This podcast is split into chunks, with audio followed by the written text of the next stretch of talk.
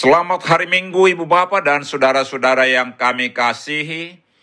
Kami dari Yayasan Badan Kerjasama Marturia mengucapkan selamat beribadah hari ini di dalam penyertaan Tuhan kita Yesus Kristus.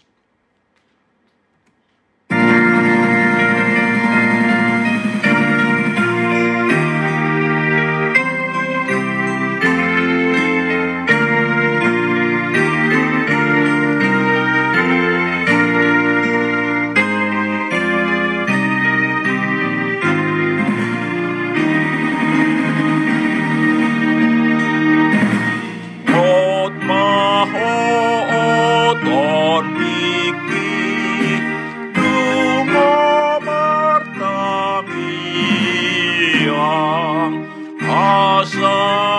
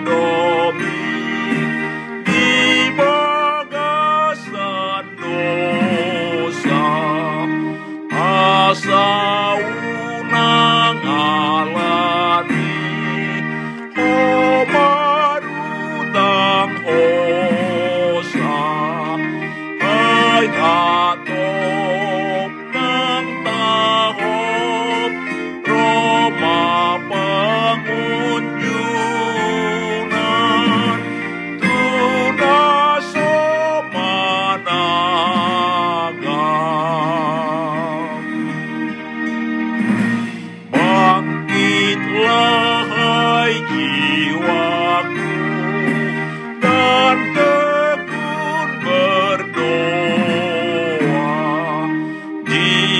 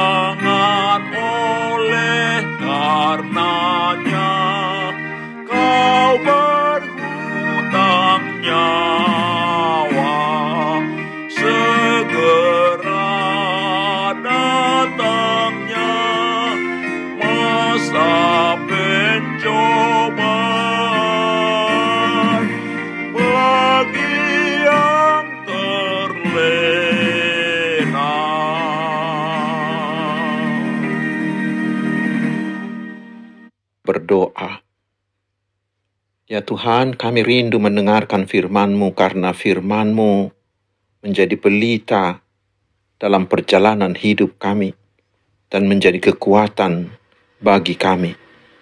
Damai sejahtera Allah yang melampaui segala akal, kiranya mengawal hati saudara-saudara sekalian di dalam Kristus Yesus Tuhan kita. Amin. Saudaraku, firman Tuhan yang ditetapkan untuk minggu ke-24 sesudah Trinitatis hari ini adalah dari Injil Markus pasal ke-13, ayat pertama hingga ayat yang ke-8. Saya bacakan untuk kita. Ketika Yesus keluar dari bait Allah, seorang muridnya berkata kepadanya, Guru, lihatlah betapa kokohnya batu-batu itu dan betapa megahnya gedung-gedung itu. Lalu Yesus berkata kepadanya, Kau lihat gedung-gedung yang hebat ini? Tidak satu batu pun akan dibiarkan terletak di atas batu yang lain. Semuanya akan diruntuhkan. Ketika Yesus duduk di atas bukit Zaitun berhadapan dengan bait Allah, Petrus, Yakobus, Yohanes, dan Andreas bertanya sendirian kepadanya, "Katakanlah kepada kami, bila manakah itu akan terjadi, dan apakah tandanya kalau semuanya itu akan sampai kepada kesudahannya?" Maka mulailah Yesus berkata kepada mereka, "Waspadalah, supaya jangan ada orang yang menyesatkan kamu. Akan datang banyak orang dengan memakai namaku dan berkata, Akulah dia, dan mereka akan menyesatkan banyak orang. Dan apabila kamu mendengar deru perang atau kabar-kabar tentang perang, janganlah kamu gelisah. Semuanya itu harus terjadi, tetapi itu belum kesudahannya. Sebab bangsa akan bangkit melawan bangsa, dan kerajaan melawan kerajaan. Akan terjadi gempa bumi di berbagai tempat, dan akan ada kelaparan. Semua itu barulah permulaan penderitaan menjelang akhir zaman. Demikian firman Tuhan. Saudaraku, minggu depan kita akan memasuki akhir tahun gerejawi dan peringatan bagi mereka yang sudah meninggal, yang mengingatkan kita bahwa kita juga akan meninggal. Itu juga lah yang ditekankan Yesus dalam nats ini, bahwa bila akhir zaman datang, segala sesuatu akan musnah, termasuk kekokohan dan kemegahan bait Allah di Yerusalem ayat 1 dan 2. Peristiwa pandemi COVID-19 semakin menyadarkan kita tentang hal itu. Karena itu hari ini kita diingatkan, jangan mempertaruhkan hidupmu kepada yang akan dimusnahkan ini. Tetapi selagi kita masih hidup, mari arahkanlah hidupmu ke hidup kekal yaitu dengan setia mempercayai dan mengandalkan Tuhan Yesus. Kapan itu terjadi, tidak ada yang tahu. Tidak perlu menghitung-hitung, tetapi yang perlu adalah waspadalah, siap siagalah selalu.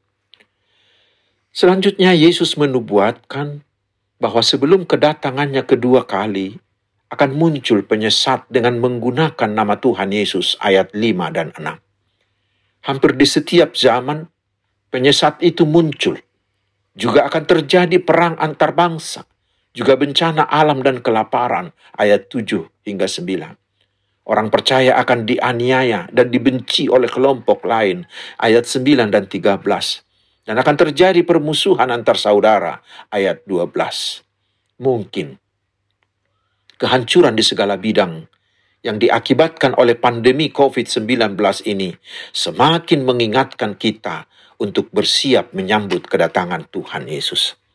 Tetapi saudaraku, bila semuanya itu terjadi, jangan langsung berkata akhir zaman akan datang. Yang terpenting adalah bila semuanya itu semakin menggelora, kita harus semakin serius mengecek iman dan cara hidup kita. Apakah kita sudah layak di hadapan Tuhan? Sehingga bila Yesus datang kedua kali, kita dibawa memasuki surganya. Lalu apa yang perlu kita lakukan? Di ayat 13 Yesus berkata, Orang yang bertahan sampai pada kesudahannya, ia akan selamat. Dan di Wahyu 2 ayat 10c dikatakan, Hendaklah engkau setia sampai mati, dan aku akan mengaruniakan kepadamu mahkota kehidupan. Setia berarti tetap percaya kepada Tuhan Yesus, selalu berusaha hidup kudus dan tak bercacat. Amin. Mari kita berdoa. Tuhan Yesus, sadarkanlah kami agar kami tetap percaya kepadamu, tetap hidup kudus dan tak bercacat, menantikan kedatanganmu. Tuhan memberkati engkau dan melindungi engkau. Tuhan menyinari engkau dengan wajahnya dan memberi engkau kasih karunia. Tuhan menghadapkan wajahnya kepadamu dan memberi engkau damai sejahtera. Amin. Selamat hari Minggu, saudaraku. Tetap ikuti protokol kesehatan. Tuhan Yesus memberkati kita semua.